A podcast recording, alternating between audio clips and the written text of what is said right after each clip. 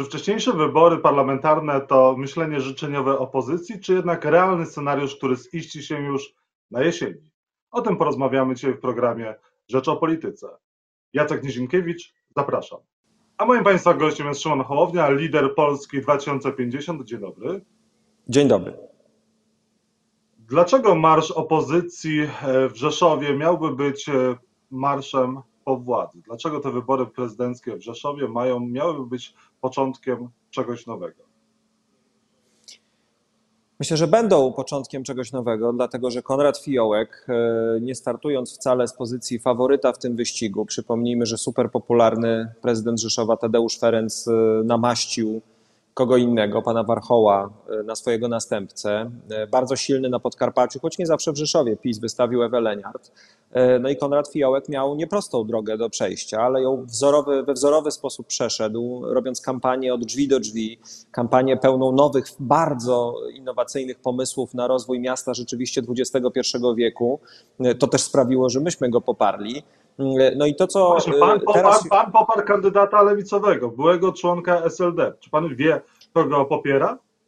Tak, oczywiście, że wiem, dlatego że myśmy się z Konradem Fiołkiem umówili na bardzo konkretne rzeczy, to które znaczy? mam nadzieję, że zrobi. To znaczy na przykład na to, że przeprowadzi panel obywatelski w sprawie w sprawach klimatycznych dla Rzeszowa, że e, i to za chwilę e, po objęciu urzędu, e, że będzie promował wszystkie te rozwiązania ekologiczne, które są prośrodowiskowe, które są obecne w naszym projekcie. Poza tym on daje gwarancje też rzeczy, które są w naszym w naszym DNA, czyli zachowania niezależności samorządu i budowania takiej, powiedziałbym, właśnie samorządowej, chcę powiedzieć zdecentralizowanej, ale samorządnej Polski, E, to jest też człowiek, który, co mi się szalenie w nim podoba, ma taki etos e, właśnie niewielkiego mówcy wiecowego, który ściąga tłumy i zaczarowuje głosem, tylko który cierpliwie chodzi od drzwi do drzwi, tak jak on schodził wszystkie rzeszowskie osiedla i przekonuje ludzi do swoich konkretnych pomysłów. Ja wierzę, że on wygra te wybory. Natomiast e, myślę, że odnosząc się do Pana pytania, że dzisiaj i wyborcy opozycji, i politycy opozycji szukają jakiegoś momentu symbolicznego, jakiegoś momentu odbicia, jakiejś legendy założycielskiej, momentu założycielskiego e, tego procesu odsuwania PiSu od władzy. Konrad Fiołek się bardzo mądrze zachował w ostatnich dniach, dlatego że miał naciski ze strony polityków centralnych, warszawskich, słuchajcie, pojedźmy, ja sam do mnie takie głosy docierały, pojedźmy na ostatniej prostej, stańmy za nim, pokażmy się razem z nim, a on mówi, nie chcę, żebyście tu przyjeżdżali, już mówiąc zupełnie wprost.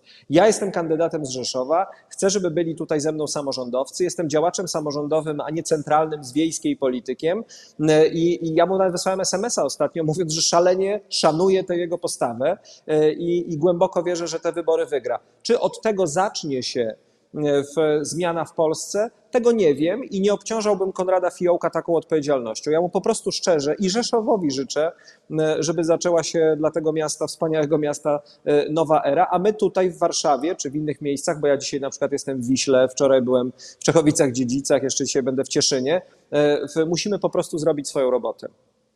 Pańskie, pańska podróż po Polsce to zbudowanie struktur, czy przygotowywanie Polski 2050 do wcześniejszych wyborów parlamentarnych, o których Pan mówi, że one mają się odbyć już e, jesienią, nawet e, podaje Pan datę 10 października? Przede wszystkim to jest podziękowanie ludziom za półtora roku ciężkiej pracy, bo oni pracują bez wytchnienia. W, my cały czas jesteśmy w kampanii, mimo że kampanii nie ma. Kampania prezydencka się skończyła. Myśmy bez chwili przerwy, naprawdę bez chwili przerwy, ruszyli do budowy ruchu, stowarzyszenia, dzięki czemu dzisiaj jesteśmy tu, gdzie jesteśmy i wszędzie, gdzie jeżdżę w Polsce, spotykam setki ludzi, E, tu się nie spełniają te sny tych, którzy wieszczyli, słuchaj, zobaczysz, między wyborami to przyjedziesz na stację, umówisz się z kimś i nikt po ciebie nie wyjdzie, wypijesz herbatę w barze dworcowym i będziesz wracał do Warszawy. Wszędzie, gdzie jestem, spotykam setki ludzi, naszych e, aktywistów, którzy są gotowi do dalszego działania. Chcę im podziękować, chcę im powiedzieć, jakie są nasze plany, jakie, jak, jak teraz będzie się to wszystko działo. E, chcę słuchać, tak jak za chwilę mam spotkanie z przedsiębiorcami tutaj kompletnie zaniedbanymi przez tarcze antykryzysowe z branż turystycznych i około turystycznych w regionie e, w Wisły, Ustronia. E, to są, to są spotkania, w których słuchasz. No, polityk nie jest tylko od gadania, ale też e, przede wszystkim od słuchania tego, co ludzie chcą mu powiedzieć. Natomiast czy w tym jest wątek przygotowania do wcześniejszych wyborów? Oczywiście jest. Jeżeli robisz organizację polityczną, to musisz się szykować do wyborów.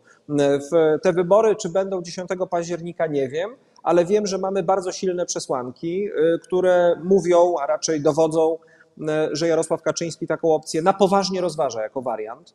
No i teraz jest pytanie, czy on rzeczywiście te wybory będzie próbował 10 października zrobić, czy jeżeli mówi, że zrobi je 10 października, to je zrobi na wiosnę, czy jeżeli nam by się udało doprowadzić do jakiejś zmiany w obecnie funkcjonującym parlamencie, jesteśmy w stanie przeprowadzić te wybory na swoich, czyli na demokratycznych i wolnych warunkach, a nie zostawiać je do przeprowadzenia Kaczyńskiemu, który będzie próbował je skręcić. No właśnie, pytanie, czy pan nie, po, nie powtarza publicznie plotek, bo o tych wyborach wcześniejszych 10 października, no to właściwie wie tylko Polska 2050 i trudno sobie wyobrazić, żeby Jarosław Kaczyński przekazał tego typu informacje strukturą, a na przykład na poziomie centralnym to byłoby e, wciąż pan, niejasne. Ale ja nie mówię, nie, nie występuję tu w roli komiwojażera jakichś poufnych plotek, które usłyszałem i w które w 100% wierzę, bo ja po prostu nie wierzę po pierwsze Jarosławowi Kaczyńskiemu, po drugie doskonale wiem, jak potrafi manipulować sceną polityczną, jak wypuszczać różne szczury, żeby ludzie sobie ganiali za nimi. Tylko akurat... Ale czy to pan przypadkiem nie wypuścił takiego szczura teraz? Nie, ale nie co to, ale widzi pan... Ale co, co to zmienia? To znaczy, jeżeli, jeżeli rzeczywiście mówimy, że tak na zdrowy rozum, że sytuacja, w której on ma dzisiaj 35%, w której opozycja jest tak naprawdę w wielu swoich aspektach w organizacji, w której zaczął tak naprawdę kampanię wyborczą mówiąc o, o Polskim Ładzie i w którym pewnie może próbować przy pomocy TVP wymusić korzystną dla siebie frekwencję w sytuacji, kiedy epidemia, pandemia pewnie znowu ruszy, nie w takim aspekcie czy w takim wymiarze jak było, ale jednak ruszy po wakacjach we wrześniu, październiku, to może liczyć, że przy metodzie Donta przedłuży się na kolejne 4 lata.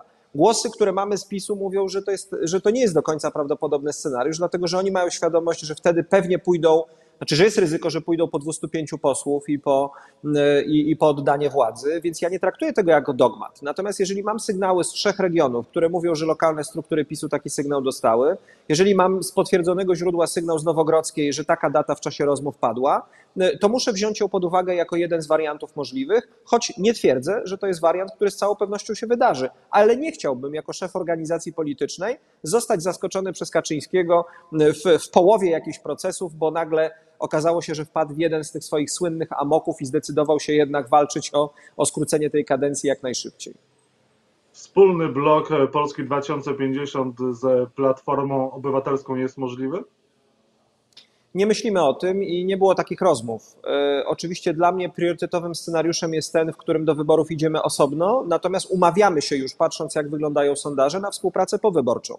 I to jest e, wariant, który pozwala nam zachować autonomię, pozwala nam też być uczciwymi wobec swoich wyborców e, i nie zlewać się w jedno, dlatego że to zlewanie się w jedno też dobrze się nie kończy, e, co pokazały już przykłady na polskiej scenie politycznej w poprzednich elekcjach, że jak za bardzo zjednoczona formacja, to ludzie po prostu odchodzą, no bo dlaczego skoro są wyborcami, nie wiem, PSL-u mieliby nagle głosować na kandydata lewicy, tak, który w ich okręgu ma mocną pozycję i do Sejmu wejdzie to, są, e, to, to, to jest bardzo precyzyjna, że tak powiem, technologia wyborcza, ale jak będziemy już wiedzieli, kiedy są wybory, to myślę, że razem z innymi przedstawicielami opozycji zainwestujemy, bo są duże pieniądze, w takie badania, które pokażą nam na odpowiedniej próbie, jak rzeczywiście wygląda sytuacja i jakie preferencje dzisiaj ludzie mają.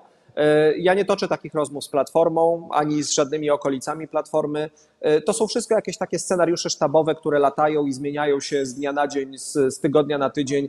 E, musimy zobaczyć deadline, żeby rzeczywiście któryś z nich stał się realny. Ja przygotowuję moją organizację, my, my się szykujemy na start indywidualny. Jeżeli coś się zmieni w tej sprawie, no to oczywiście jesteśmy otwarci, no bo nie sztuka wygrać te wybory e, w ten sposób, że zostanie się liderem opozycji, a PiS będzie rządził przez następne 4 lata, bo ja sobie taki, takiego scenariusza po prostu nie chcę wyobrażać. Donald Tusk mógłby odegrać jakąś rolę w tych przyspieszonych wyborach lub po wyborach. Pan byłby otwarty na na przykład rolę Donalda Tuska ponownie właśnie jako premiera? Pan, ja czasami jak patrzę na tę scenę polityczną, to sam sobie zazdroszczę, e, że mam już za sobą jedną ważną rzecz, to znaczy decyzję. E, w, e, my już nie musimy, nie musimy się zastanawiać, e, w, czy idziemy do wyborów, czy, czy do jakich wyborów idziemy, jak u nas są porozkładane role, bo my to wiemy. Natomiast myślę, że bardzo dobrze by było, żeby Donald Tusk swoją decyzję podjął jak najszybciej, jak najszybciej ją wykomunikował, dlatego że wtedy my wszyscy, którzy jesteśmy uczestnikami gry politycznej, będziemy w stanie zrozumieć, jak, jak, jak rozłożone są karty na stole. Ja nie wiem, jaką rolę planuje dla siebie Donald Tusk. Jeżeli zdecyduje się wrócić, no to wyobrażam sobie, że pewnie będzie wracał do Platformy Obywatelskiej. Jeżeli będzie wracał do Platformy Obywatelskiej, no to w jakim mechanizmie odbędzie się tam zmiana przywództwa, to pytanie jest wciąż otwarte. Czy będzie pokojowa, czy nie będzie pokojowa? Co na to Rafał Trzaskowski, który tak naprawdę też pewnie czeka na te decyzje i, i no Platforma ma w tej chwili trzech liderów. No, jednego wewnątrz, jednego na zewnątrz, ale jednak wewnątrz i jednego potencjalnego, którego duch wciąż unosi się nad nią, czyli Donalda Tuska i to domaga się jakiejś precy, precyzji i wyjaśnienia, ale to jest ich problem, czy, czy ich wyzwanie. Ja, ja cierpliwie czekam na to, aż się określą, żeby wiedzieć, jak partner jeden z istotnych partnerów, których, e, e, których widzimy po tej stronie sceny politycznej, wyobraża sobie swoją przyszłość i, i, i dalej będziemy rozmawiać. Ale Polska 2050, pan ma kontakt z Donaldem Tuskiem, rozmawiacie z Donaldem Tuskiem, jesteście otwarci na współpracę w przyszłości z Tuskiem? Znaczy, rozmawiam z Donaldem Tuskiem, tak. Te, to nie jest za częsta, że tak powiem, za częste zdarzenie, natomiast raz na parę miesięcy zdarza nam się rozmawiać. W, natomiast to nie są rozmowy, a może zrobimy to, a może zrobimy tamto. To są rozmowy raczej, powiedziałbym, wymiana informacji i poglądów na temat sceny politycznej, na temat tego, jak dzisiaj e, przebiegają trendy. On mi nie komunikuje swoich decyzji ani ich nie zapowiada. Ja mu nie mówię e, o swoich i ich nie zapowiadam. Utrzymujemy stosunki dyplomatyczne. Natomiast e, ja po prostu szanuję człowieka, szanuję to, że autonomicznie będzie jakieś decyzje podejmował i czekam, aż je przedstawi żebyśmy wreszcie wiedzieli, w którą stronę ten projekt, y, powrót Tuska do polityki zmierza. Myślę, że to nastąpi niebawem i albo w lewo, albo w prawą stronę się y, określi. I ostatnia kwestia, zostały nam dwie minuty. Proszę powiedzieć, jaki y, Polska 2050 ma pomysł na relacje z Białorusią? Jak ta dyplomacja powinna funkcjonować? Jak możemy pomóc naszym sąsiadom? To jest bardzo trudny temat, dlatego że e, to nie jest tylko kwestia ustawienia sobie naszego bezpieczeństwa narodowego. Łukaszenka teraz zagraża naszemu bezpieczeństwu narodowemu w sposób coraz bardziej bezpośredni, ale trzeba pamiętać, że tam żyje polska mniejszość, e, która jest brana przez Łukaszenkę na zakładnika e, różnych ruchów, które wykonuje choćby Unia Europejska czy Polska. Natomiast e, ja uważam, że e, i, cały czas to powtarzam, że nasza droga e, do rozwiązywania problemów z demokracją na Białorusi i wsparcia narodu białoruskiego w tej sprawie wiedzie przez silną reakcję Unii Europejskiej, skoordynowaną, silną, jasną i czytelną. I to jest, a to jest z kolei kwestia wzmocnienia roli Polski w Europie i stworzenia Polski jako, na, choćby przy tej okazji dramatycznej, jako jednak współkreatora polityki wschodniej Unii Europejskiej, a nie jej klienta. E, e, dzisiaj tę rolę, którą myśmy kiedyś pełnili, pełni Litwa, czy próbuje ją budować i robi to z sukcesem. I bardzo dobrze, że to robi, bo ktoś to musi robić, ale my powinniśmy też być coraz bardziej na tej scenie obecni, bo to mówię, dotyczy polskich obywateli, to się dzieje, czy, czy ludzi polskiej też narodowości, e, już z obywatelstwem białoruskim, ale wielu ma polskie obywatelstwo, czy kartę Polaka. Natomiast to jest, to, to jest rosnące wyzwanie. Będą dwa tak naprawdę dzisiaj wyzwania, które będą stały przed tym rządem, przed następnym rządem. Pierwsze to jest polityka klimatyczna i widzimy to coraz bardziej, że klimat to nie jest opowieść tylko o miłych rzeczach, ale to są ludzie demonstrujący na ulicach. To są niezwykle poważne kwestie. I drugie to kwestia wschodnia i nasza rola w tej geopolityce, która staje się od wschodniej granicy coraz bardziej zawikłana i dlatego musi być coraz bardziej skoordynowana z naszymi partnerami, bo partner za wschodnią granicą rozumie tylko jeden język, a w zasadzie dwa: siły i pieniędzy.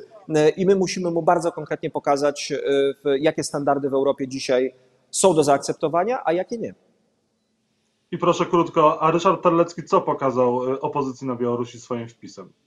Hamstwo, butę, E, i coś, co w ogóle nie powinno mieć miejsca. To, że człowiek e, może, że polityk w XXI wieku, w demokratycznym kraju, może swoją partyjniacką nienawiścią przesłonić interes narodowy e, naszego, naszego sąsiada. Mąż pani Cichanowskiej siedzi w więzieniu u Łukaszenki w, od wielu miesięcy. Reżim Łukaszenki zabija ludzi w więzieniach, torturuje, w, doprowadza do zastraszania w, w sposób, który nam po prostu nie mieści się w głowie a on w bezczelny sposób, bo to jest bezczelność po prostu nieznająca miary, z kompletnym brakiem wyczucia, pokazuje, że nie nadaje się ani na wicemarszałka Sejmu, ani na jakiegokolwiek reprezentanta e, polskiego społeczeństwa w jego władzach. Ich po prostu zaślepiła, jego zaślepiła partyjniacka nienawiść do Trzaskowskiego, za którą jest w stanie e, poświęcić nawet polską rację stanu. To jest po prostu hańba. Szymon Hołownia, Polska 2050 był Państwa i moim gościem. Dziękuję bardzo za rozmowę. Dziękuję bardzo.